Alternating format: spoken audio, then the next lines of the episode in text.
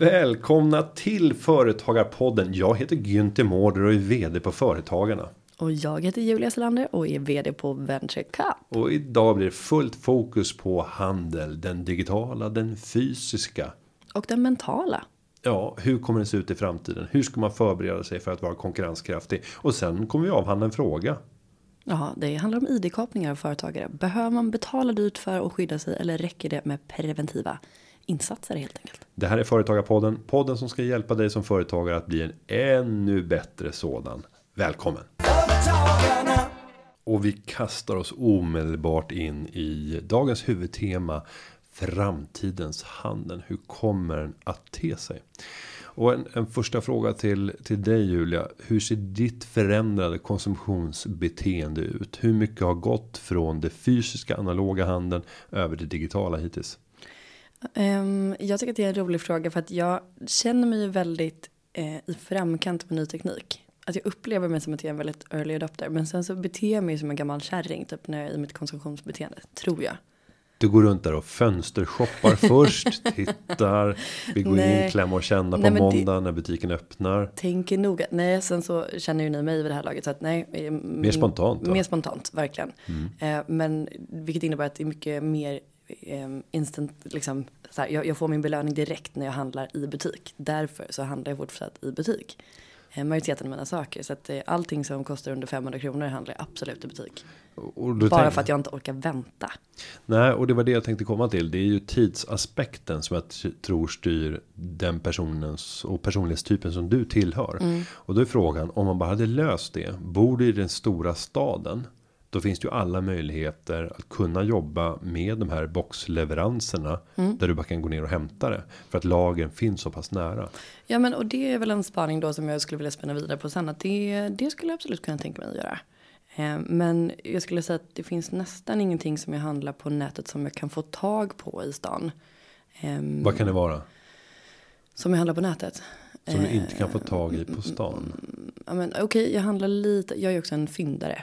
Ja. Jag älskar ju eh, loppis och eh, second hand och vintage och allt sånt för att jag tycker att det är kul att hitta unika saker. Så det är ju väldigt svårt att hitta på nätet tänker jag. Eller så är det lätt att hitta om man typ handlar på ja, men så här Ebay eller Sellpy eller någonting. Och då är det också en väntan och det kan ju stå ut med.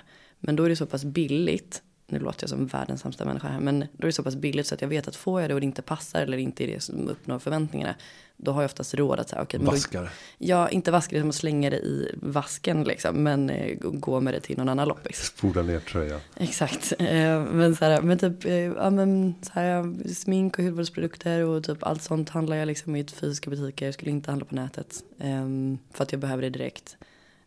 Matkasse provade jag en gång. Mm, fastnade inte? Nej, för att jag var inte hemma så pass mycket att jag använde all mat. Så att allting blev över i slutet på veckan ändå, tyvärr.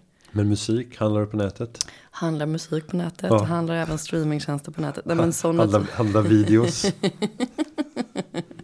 Nej men så, så, att jag, jag är väldigt eh, pepp på att eh, handla mer digitalt. Jag tycker att det är det som känns eh, rimligt. Men med just transporten av massa skit från eh, importerade billighetsgrejer är jag i princip själv emot. Mm.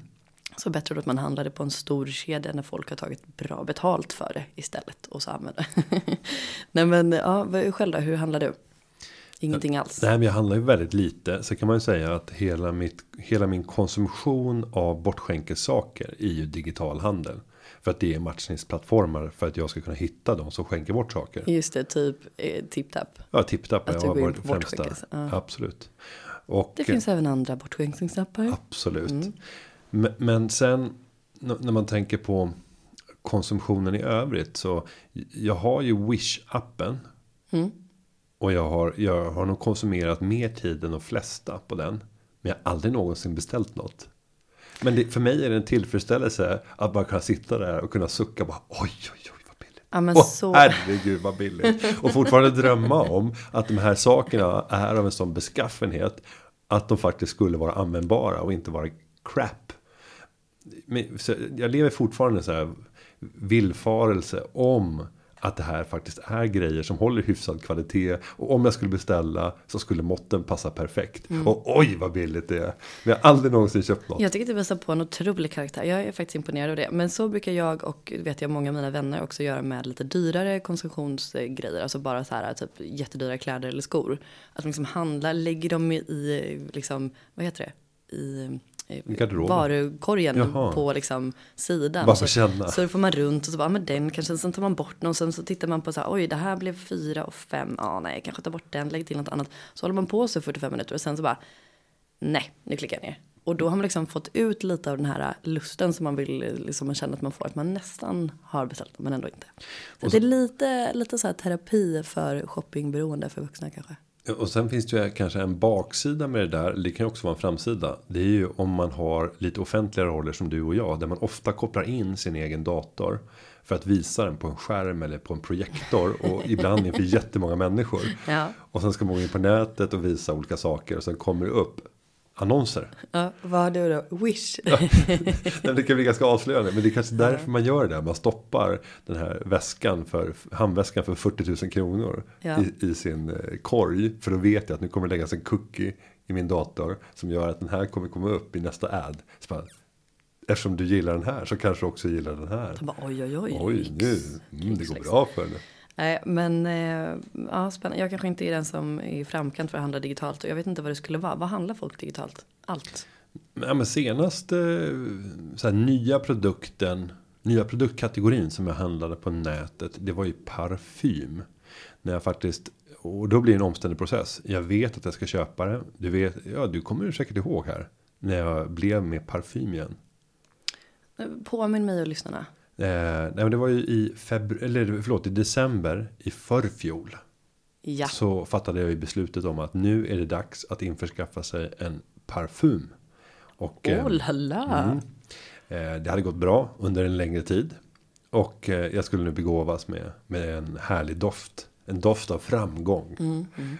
Eh, och då började min, min eftersökning. Till att börja med så har jag ju använt parfym ganska ofta. Men då har det ju varit i väldigt stora mängder under de dagarna du har varit på en flygplats. Eller när jag har gått förbi ett Åhléns varuhus eller något sånt. Vilket sker ungefär hälften av dagarna. Så Ja. gör man ju något av det. Ja. Eh, Så att jag har ju fortfarande luktat gott. Det kan man inte säga annat. Du, du har aldrig reagerat över att jag inte har luktat gott. Nu heter det faktiskt dofta. Har doftat gott. Men eh, nej, det har jag inte gjort. upplever du någon gång att jag har luktat illa? Är det nu vi ska ta det här snacket verkligen? Skoja. jag, vågar, jag vågar utmana dig där. Skoja. Nej men verkligen inte. Jag tycker alltid att du är ett, eh, men, eh, vad ska man säga, ett levande sinnebild av fräschör när du kommer in här. Möjligtvis att kanske är lite sådär halt med det när du sitter här och geggar med ditt hemmagjorda snus och sånt. Mm, men det är ju en annan sak. Ja, det är en annan sak. Men i övrigt eh, fräsch och hel och ren och skulle, Ja. jag har aldrig lagt märke till någon, eh, ja, Det är management by mormor. Hel och ren, luktar gott. ja, doftar gott. Ja, lu- Eh. Doftar gott. Men jag har heller aldrig kanske lagt märke till att du doftar någonting alls. Alltså förutom typ tvättmedel. Så att det är parfym. Jag fick ju beröm här av eh, vår, vår gäst. När vi hade sniff här Sniff här. eller? Ja. Ja, jag minns inte. Men hade, då hade du kanske tagit med. Jo, jag vet att du ibland brukar ha en liten parfymflaska med dig i din portfölj när du ska ha när du ska moderera saker. Mm. Så att du sprayar på. Vad var det för att du ska komma ihåg bättre eller för att bara så att du ska komma in taggad. bättre? Lite taggad. Ja. Ja. Och ibland sprutar jag bara på papper. Och så har jag dem i en plastficka. Och sen kan man grann. Och vad är det för en doft du tar fram då? Men det, det kan vara lite olika. Ja. Eh, Det beror på vad man ska Det, bli det, taggad det för. beror på vad du har fått med dig hem för doftprover. Ja, ja visst. Okej, men så du, Nej, men så men det du köpte köpte jag. parfym Ja. och då köpte du den på nätet? Ja, och då inväntade jag tills det, tills det skulle bli Black Friday och sen hade vi Cyber Monday. Men Mm. redan på Black Friday så insåg jag att det här är för bra för att vara sant. Oj. Och där var det en felprissättning som jag identifierade. Där 100 milliliters flaskan hade av misstag fått 50 milliliters flaskans pris. Det kunde jag ju se på rabattsatserna. För då var det så här 50% rabatt på den här doften. Eh, och då var det Stronger with you. Mm. Och, och vad är det för någon doft? Armani. Åh. Ja, det är jag. Stronger with you. Oj. Nej, och, då, och då såg jag att prissättningen var liksom perfekt på de här flaskorna. Fast 200 ml, 100, 50 och 30. Och det var en prisstege som var perfekt. Men sen var det ett hopp. Ett felhopp. Eh, där 50 var högre prissatt än 100. Då så här, men det här måste ju vara fel. De måste ha valt fel. Det och då beställde jag. Och sen så med vetskapen om att jag kan ju hävda att eh, det, det inte är rimligt att jag förstod under Black Friday. För det, var, det är en väldigt speciell dag. Mm. Hur ska jag begripa att det där att ni egentligen menade 50 milliliters flaskan? Nej men begripa, begripa står det så står det får väl de stå för. Ja. Jag köpte en klocka på det viset en gång till min kompis. Men jag, men jag, fick, jag fick rätt här i brevlådan. Nej men det, det, brukar man få. Det har hänt mig en gång med en klocka som kostade 2000 kronor och som istället kostade 200 kronor. Mm. Då, gäller det, passa, då gäller det att passa på. Okej, men ska vi diskutera lite då? För att jag tänker att det här med fysiska butiker och e-handel är ju i allra högsta grad någonting som våra lyssnare är med om och utsätts för oavsett om det är som konsument eller som företagare. Absolut och, och tittar jag bland de som jag ska företräda medlemmarna i företagen så är var femte medlem engagerad i handeln. Mm. Och där är en otrolig transformation just nu och jag tror att man måste ha en idé om hur man tänker sig agera för att kunna fortsätta som man gör. Eh, de absolut sämsta exemplen som jag ser. Det är aktörer som jobbar med fysisk handel. Och sen som inser att jag måste engagera mig digitalt. Så då tar man tid och resurser från den fysiska butiken och låter den förfalla lite grann. Till förmån för att sitta och göra en halvdan sajt. Ja, Där har du grundreceptet för misslyckande. Det låter verkligen som det. Det blir lite halvdåligt på båda helt enkelt. Ja, och jag tänker de som är drömspelarna i det här. Det är ju de som förstår att wow, här finns det plötsligt ny business att hämta. Mm. Jag behåller ambitionsnivån och liksom kravet på hög service, härlig upplevelse i butiken, även om det kommer att kosta. Och sen vid sidan av det så gör jag ungefär som en, en extra investering. Jag investerar i en ny försäljningskanal. Där jag kanske till och med separerar ifrån den vanliga butiken. Du kanske inte ens använder samma varumärke för att kunna ha en prisdifferentiering. För på så sätt kan du jobba med samma varulager och i butiken så kanske du har marginaler som är 30-40% medan på näthandeln så kanske du går ner och har marginaler på 10-15% för att bli konkurrenskraftig. Men du visar inte ens att det är samma bolag. Det kanske till och med är separata bolag så att du inte ens kan titta på på bolaget som har levererat och se att det kommer från samma källa. Mm. Ehm, för då tror jag förutsättningarna finns att faktiskt bygga det här bolaget som klarar av att eh, hantera dubbla kanaler, att fortsätta utöka servicen, erbjuda en förlängning av det man säljer. Jag har varit inne på det tidigare i podden. Att titta på vad är det kunden ska använda. Oftast den produkt som man har köpt hos mig. Vad, vad är den till för? Vad syftar den här produkten till? Och sen fundera över helheten kring det syftet. Vad utöver det syftet. Där du har sålt. Om vi tar parfymen. Varför köpte han parfymen? Han vill, han vill andas framgång. Mm. Han vill lukta gott. Han vill göra ett bra intryck. Okej, okay, men vad annat kan man göra ett gott intryck? Kan jag göra smarta samarbeten med aktörer som kan fylla det här tomrummet som finns som fick inte att köpa parfymen. Och då kanske det är kläder, det kanske är accessoarer. Det kanske är andra saker som gör att att om du skulle marknadsföra tillsammans och att driva trafik om vi tänker då i i den digitala handeln att hitta samarbeten med andra. Mm. Där du kan få betalt för att slussa trafik över till andra sajter. Och där du kanske till och med kan mäta avslutsfrekvensen. Det går ju med ganska enkel teknik att göra och se. Är det kunder som har varit hos dig som har slussat över till en ny sajt. Och där gått på avslut. Så kanske du får en, en någon procentsats på köpen. Mycket smart. Men jag tänker vilka, vilka fysiska butiker går bättre nu då? Eller fortsatt bra om man ska säga så. Som går, jo men en, en sån butik som butikstyp.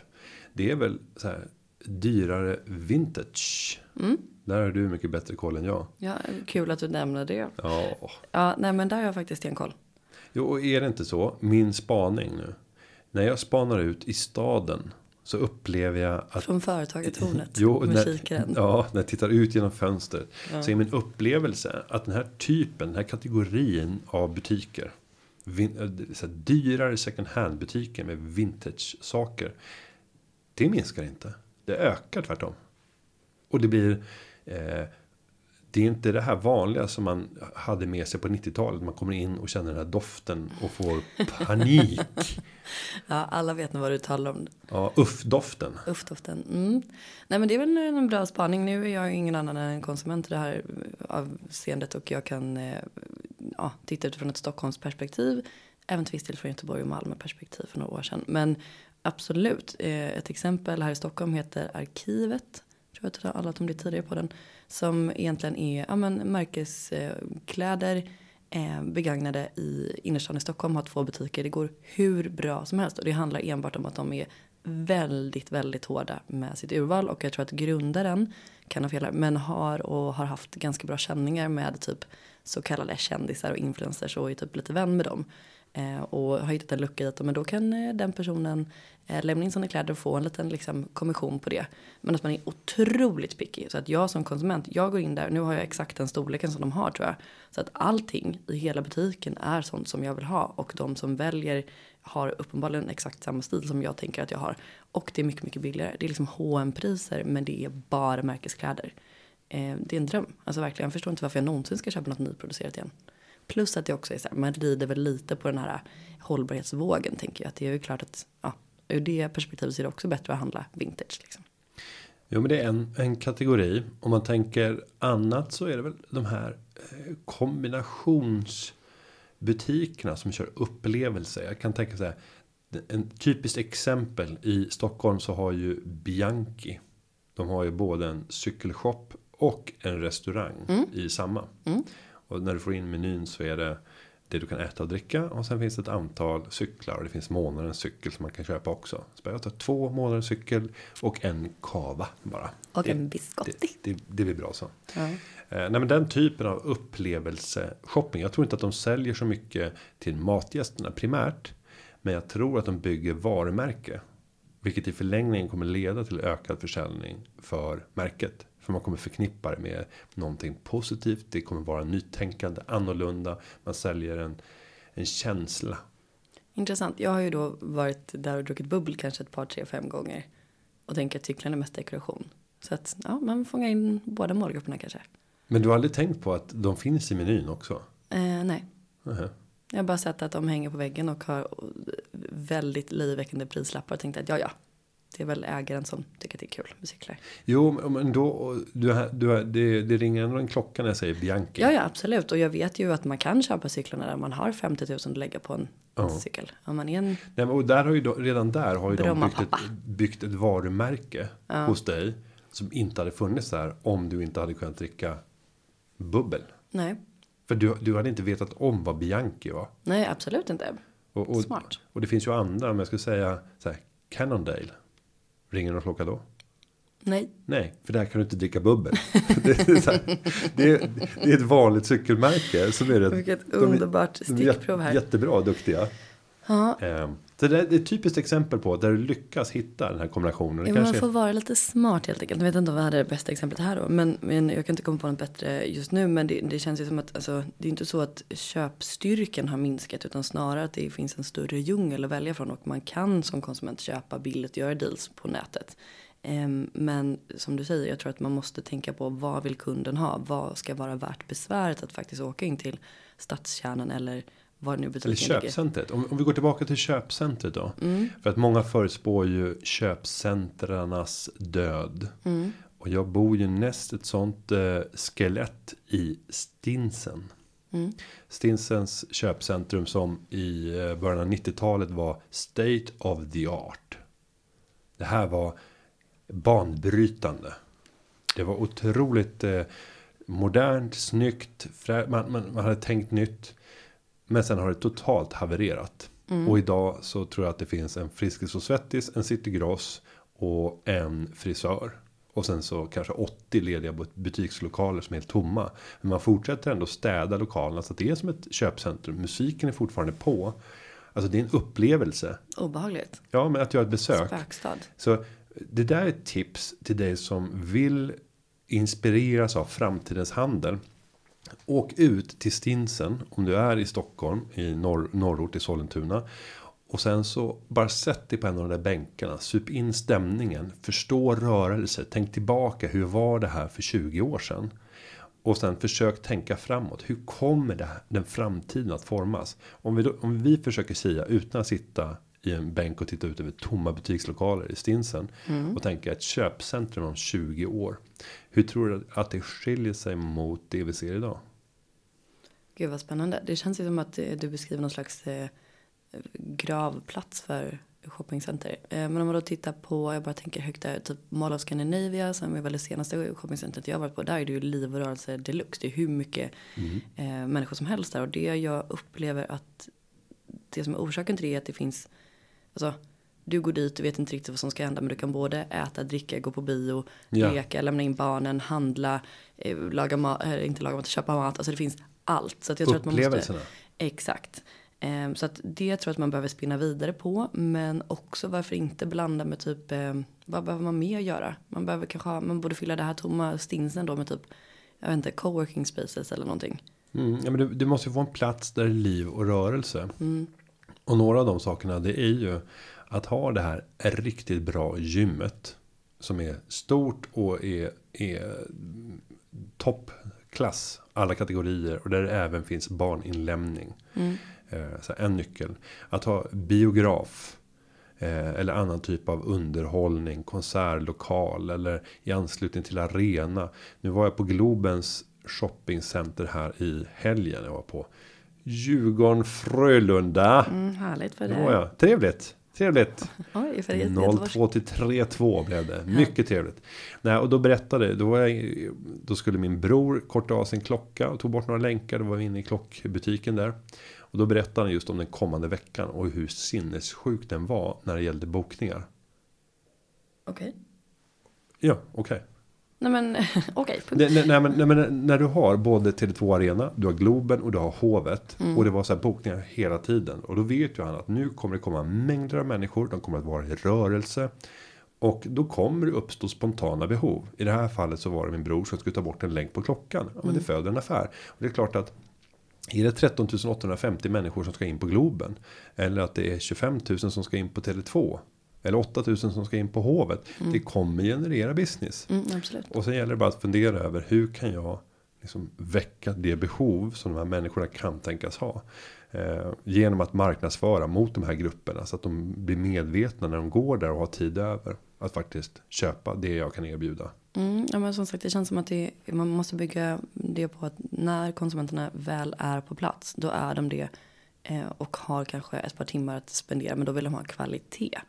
Ehm, Andra spaningar som jag tänker. Det är att vi kommer få se köpcentrum som fokuserar ännu mer på upplevelsedelen. Vi kommer få se eh, food courts som växer. Där du har ett gigantiskt utbud av mat. Och där många bara går dit på grund av maten. Och sen råkar man handla någonting av andra skäl. Sen tror jag att vi kommer få se mindre butiker. Att butikerna snarare blir som visningsrum. Där du kan hämta ut varor via centrala boxsystem som finns i köpcentrarna. Men där du har testat sakerna i de här mindre butikerna. Jag tror att vi kommer få en digital scanning av oss själva. Det har ju redan börjat. Det finns många startups inom det här segmentet. exempelvis en av vinnarna i Venture Cup som heter Lisa som driver ett bolag som heter The Fit. The Fit. The Fit. Är det kroppsscanning? Japp. Mm. Och där tror jag att det kommer över tid bara att finnas en enda standard som man jobbar med. Det tror jag också. Och det här med att man ska bara typ gå in och googla vilka storlek man har US eller UK eller vad det nu är. Alltså det är ju fortsatt ganska mayhem eftersom att det är så här.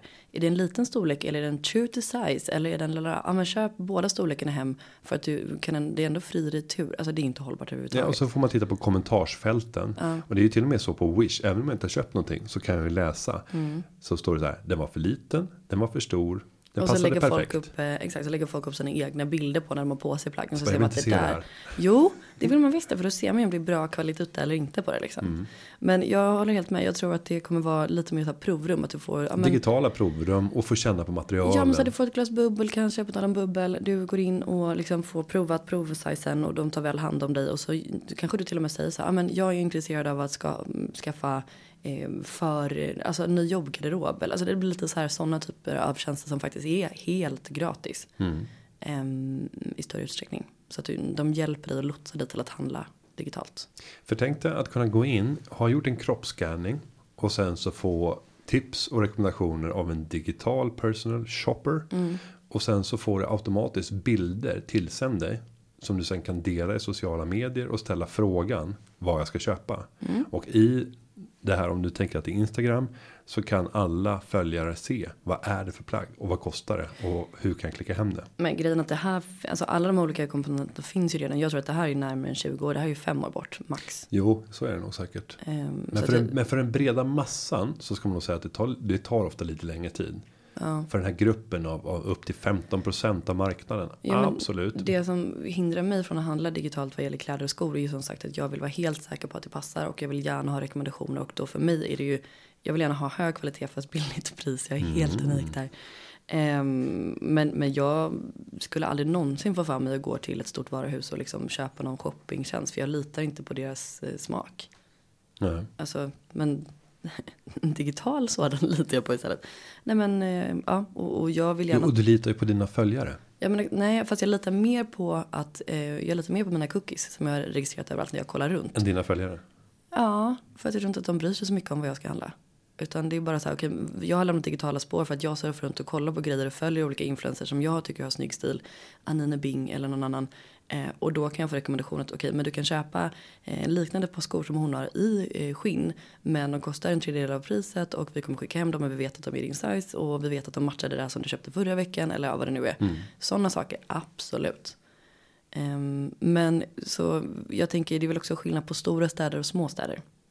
Vad gäller vilka butiker som kommer finnas kvar. Mm. Alltså citycenter och citykärnan i en, i en småstad oavsett om det är en svensk eh, stad eller inte. Där, Citykärnan i en småstad. precis, vad säger man då? Storgatan. Ja, exakt. Det är Sparbanken Vid, och det är, stads, vid Stadshotellet. Ja men herregud, Jo. hela min släkt kommer från Lidköping. Där finns, det stadt man går ut på. Mm. Det har varit många gånger. Har du Nere vid ån. Jo då. Där har familjen Selander ja, hållit hov många gånger kan jag säga. Oj, oj, Det är oj. fortfarande så här att det är, det är bilder bakom baren. Bara, oh, så är det en Zalander som kommer. tider. Oh, var, nej, nej, nej, nej. Bort. Nej men eh, skämt åsido, det, det finns ju såklart butiker och butiker. Men mm, mm, mm, vad tänker vi att det kommer finnas? Alltså, folk vill ändå ha förstörelse. Man vill unna sig saker, man vill Mm. få saker direkt. Så försök utgå från det. Vad vill folk ha? Och återigen, som alltid, hör med dina kunder. Vad, vad köper de för någonting? Vad längtar de efter? Vad vill de ha? Ibland vet de inte svaret själv. Ibland så har de i alla fall början på ett svar. Utgå därifrån. Sen är ett annat tips till dig som bedriver företag inom handel. Identifiera tio andra aktörer inom ditt segment. Och följ dem rätt noggrant. Både utifrån ett ekonomiskt perspektiv. Där du går in en gång om året för att titta på deras bokslut. Och se hur har det utvecklats. Har de vuxit? Hur ser lönsamheten ut? Vad har de för omsättning per anställd? Sen så ska du göra den här okulära besiktningen. Gå ut i butikerna lite då och då. Gå in på deras sajter. Att hela tiden vara nyfiken och se vad gör andra. Och sen ett, en nivå till om man ska klättra. Det är att gå ut internationellt. Att åka iväg på några resor. Där du försöker kombinera och säga att absolut det här är min semester. Men det är också min inspirationsresa. Jag har valt den här staden. För jag vet att här finns många av de aktörer som är framstående inom den handeln. Där jag finns in, inom mitt område. Men det är Bara gå ut och spana. Hitta de här aktörerna som du kan inspireras av i andra länder. Där man kan ligga före. Och sen är det väl så också att den här djungeln som sagt av olika valmöjligheter som finns på nätet gör ju också att människor blir väldigt trötta. Man vill ha någon att hålla i handen, man vill ha någon som är expert, eller inom citationstecken expert. Eh, att liksom bara så här, okej men ska jag köpa någonting så vill man ha den här lilla, okej för att den personen har hjälpt mig. Så att var den personen oavsett vilken bransch och försök hitta, har du nischen medelålders eh, damer så kanske de just nu är mer eh, tillgängliga att faktiskt gå till en butik för att de tycker att det är trevligt. Jag har ingen aning. Eh, riktar du in det på någon annan typ av målgrupp så kanske de har andra behov. Men försök nischa dig tänker jag. Sen eh, fick vi några tips sammanställda. Eh, som är tagna ur en tror jag, e-handels från en e-handelssajt och en, en vanlig handelssajt som jämförde. Hur ska ägare av fysiska butiker agera för att bekämpa konkurrensen av e-handel? Eh, tipsen som man tar upp är fokusera på service, fokusera på butiksmiljön och på kundkontakten. Skapa butiksevent, lokala kundrabatter. Fixa det som digitala butiker inte kan fixa till sina kunder. Tänk om, tänk nytt. Och det där tror jag är rätt, eh, rätt smart och just tänka eventdelen också. Hur kan man göra det till en upplevelse? Dit man tar med sig eh, personer. Och skapar det här utrymmet. Jag har varit på ett sånt. Jag vet inte, det kanske är jättevanligt för dig. Men jag var hos en PR-byrå. Eh, som arrangerade en träff. Där det var en företagare som sålde solglasögon. Som körde visning av dem inför så här, 10-12 personer. Låt mig gissa. Du var där för att jag också bjöds på förtäring. Eh, nej, jag, jag bjöds dit av privata skäl. Eh, ska säga, så det var inte jag som, som önskade gå dit. Och jag såg dessutom att på den här PR-byrån så pågick det samtidigt en, en aktiesparaktivitet. De hade en aktiesparklubb på PR-firman. Men du, det här är ju ett typexempel som du sa att man måste nischa in sig. Det finns sådana som både vill ha fashion och vill ha aktiespar. Jo, och det, och det kan ju, Kombination. ja, och det kan ju vara så att man erbjuder en kombination så att man vet att hit kan vi ta par. Där den ena kommer att vilja gå på det här, den andra kommer att vilja gå Det en på det jätte, här. jättebra idé. Ja, Och även då par med, man kanske har barnpassning där också. absolut. Mm. Så att våga tänka nytt, vara innovativ.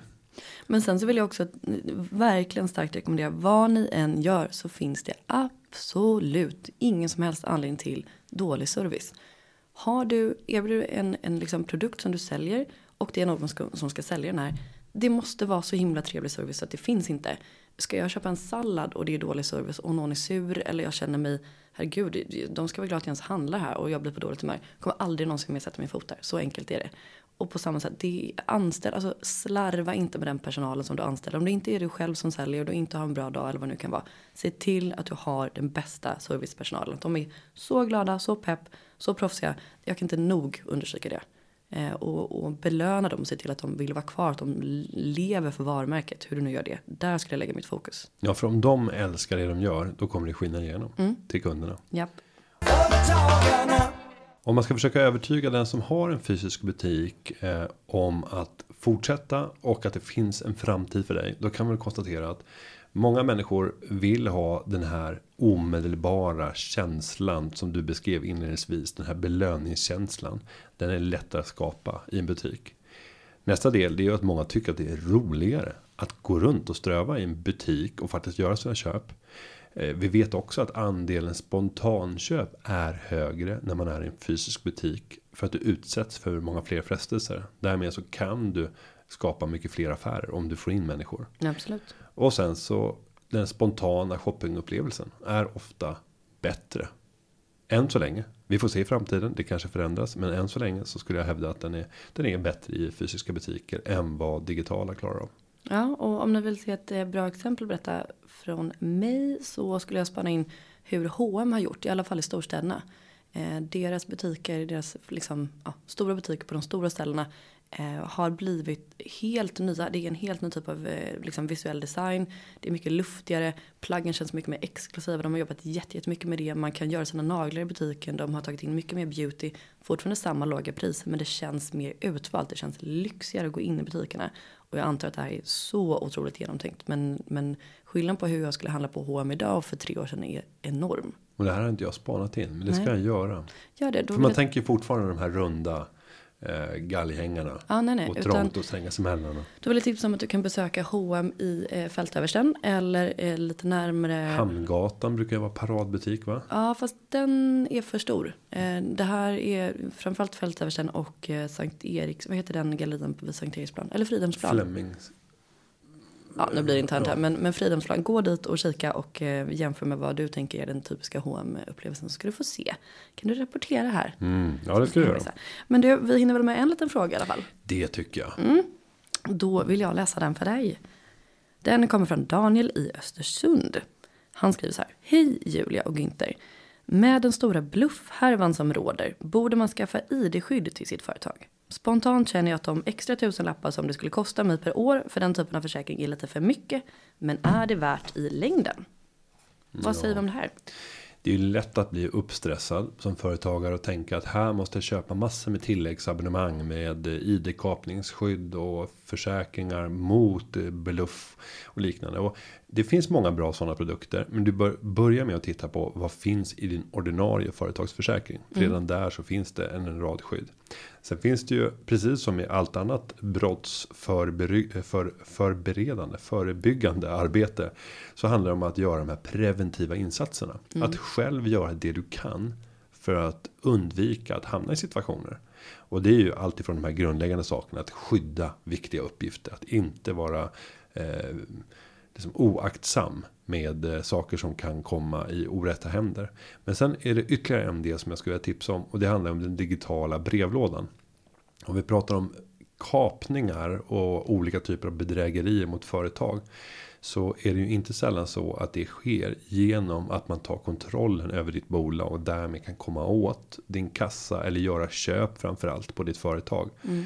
Men Eh, det enda skälet till att det här har varit ganska lätt tidigare. Det är ju att vi jobbar med en postgång som är ganska trögrörlig så att när någon gör en ändring i bolagsverket med ägare till exempel, vem som är firmatecknare, så tar det ett antal dagar innan det här brevet kommer hem.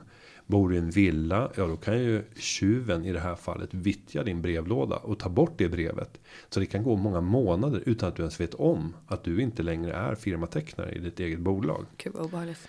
Men då kommer jag ju till tipset. De digitala brevlådorna. Mm. Där om vi tar myndigheterna i Sverige. De har ju minameddelanden.se. Sen så finns det de privata aktörerna. Där Kivra tror jag är den största. Mm. Eh, fördelen med, med Kivra, nu får någon rätta mig om jag har fel, men det är väl att där finns ju alla privata bolag, jag kan inte säga alla, men privata bolag finns på Kivra. Som du kan anmäla för att ha din digitala brevlåda, få dina fakturor och liknande. Men på mina meddelanden så vill jag tro att det bara är myndighetspost. Alltså mm. att det är myndighetsposten, ingenting annat. Så att eh, Se till att i vart fall ha en digital brevlåda. För där blir det betydligt svårare för bluffmakaren. Att dölja det. Du kommer få ett meddelande så fort det sker en förändring i ditt bolag. Det kan också vara så att du köper tjänster från kreditupplysningsföretag.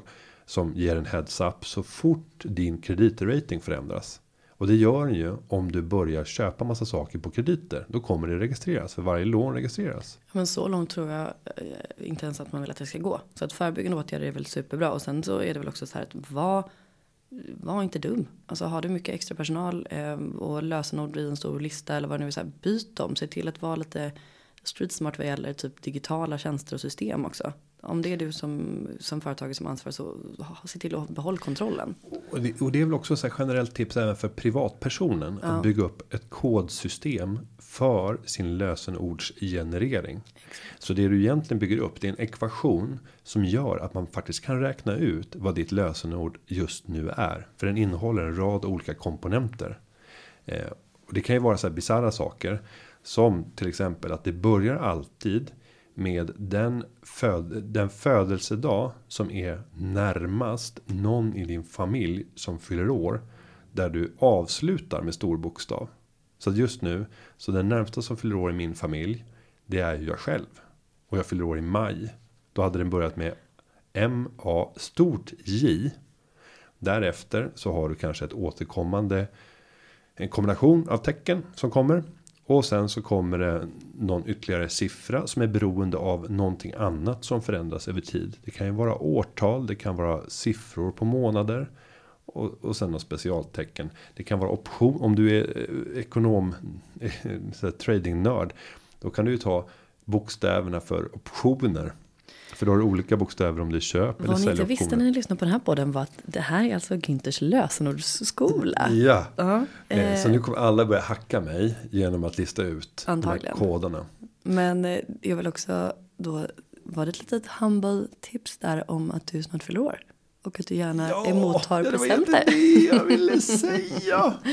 Vad härligt. 20 maj. 20 maj. Om man vill skicka försändelser, olika blombuketter och sånt så går det bra att skicka det till företagen här i Rådemansgatan i Stockholm. Jajamensan. Eh, och eh, det kan bli fin marknadsföring här på den. Det gör vi. Nej, men okej, okay, men det var väl ett bra tips. Sen så tycker jag också att så här, vad gäller lösenord, ja, men om du inte orkar sitta och gagga med olika födelsedagar och sånt eh, hitta någon av alla de många tjänster som slumpgenererar nya lösenord som bara finns kvar på just den datorn du använder eller på den telefonen du använder eller vad nu är för device.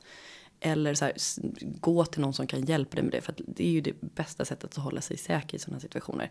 Eh, men jag upplever också, eh, eller ja, jag upplever, som jag har hört så är det som du säger, det är oftast eh alltså just den fysiska posten som blir mäckigt för företagare. Mm. Och den är fortfarande väldigt lätt att kapa. Så ja, mina meddelanden eller Kivra eller vad nu. Vi kanske ska gå in och, och, ta lite experthjälp kring det också längre fram från någon av experterna på företagen. Men vi återkommer om det. Ja, och det finns ju många andra tips när det gäller lösenord ska jag säga. Och det finns säkert jättemycket smarta appar. Ja, så egentligen Där man kan lagra krypterat sina lösenord. Exakt. Och nå från alla elektroniska enheter. Men så svaret till Daniel i Östersund kring om det är värt några tusenlappar. Ja, alltså det beror väl på. Var inte Vidta rädd. alla åtgärder först. Och känner du osäker då. Då är det säkert värt det. Mm. Men ring också till försäkringsbolag och ställ frågorna. Vad är riskerna? Ja. Eh, Ja, men gör det. Och sen beror det på vilken typ av eh, ekonomibudget du har för det här. Kostar det 2000 kronor och du känner att du, du är, kan sova helt tryggt på nätterna och du är jätteorolig för det här. Ja, då kanske det är värt det. Sen, sen kan man ju också fråga försäkringsbolagen om vilka vit, eh, åtgärder man kan vidta. För de har ett intresse av att du inte ska råka ut. För då blir det dyrt för försäkringsbolaget. Japp. Så att även ställa frågor om, om vad man kan vidta för åtgärder själv. Jättebra Bra tips. Med det Julia. Ja. Ska vi säga att fortsätt skicka in frågor. Likt eh, Daniel. Daniel. Daniel. Anis. Eh, här, det gör man på hashtag företagarpodden på Instagram och på Twitter. Och man kan också gå in på företagarpodden.se och fylla i ett formulär. Det kan man göra. Och jag ska skicka med en liten sån här. En, Oj. det är en belöning till de som under perioden april och maj Eh, skickar ut eh, skickar in en fråga och då kommer vi att eh, lotta ut biljetter till företagarna Business Forum den 28 maj. Så skicka in din fråga eller kommentar, visa upp en bild när du lyssnar på Företagarpodden. Var allmänt skön bara och gör inlägg. Så kommer vi att belöna några av er med en heldagsbiljett till eventet som ska hjälpa dig att bli en bättre företagare. Och de biljetterna är inte gratis i vanliga vis. Det är de inte ett värde av 2000 kronor. Oj. Jag fick också en, en bild av att du sitter på anställningsintervju med någon och så bara var lite skön bara. Var lite skön. Chilla. Chilla. Ja, men eh, med de orden knyter vi ihop det här avsnittet. Ja, och då ska vi säga att det här avsnittet det har förberetts av vår eminenta praktikant Jessica Ögren från. Lycksele. Mhm. Och eh, dessutom ska vi säga att klippningen den är gjord av Linda Aunan Edvall. Med det stänger vi butiken. Kan man ja, bra.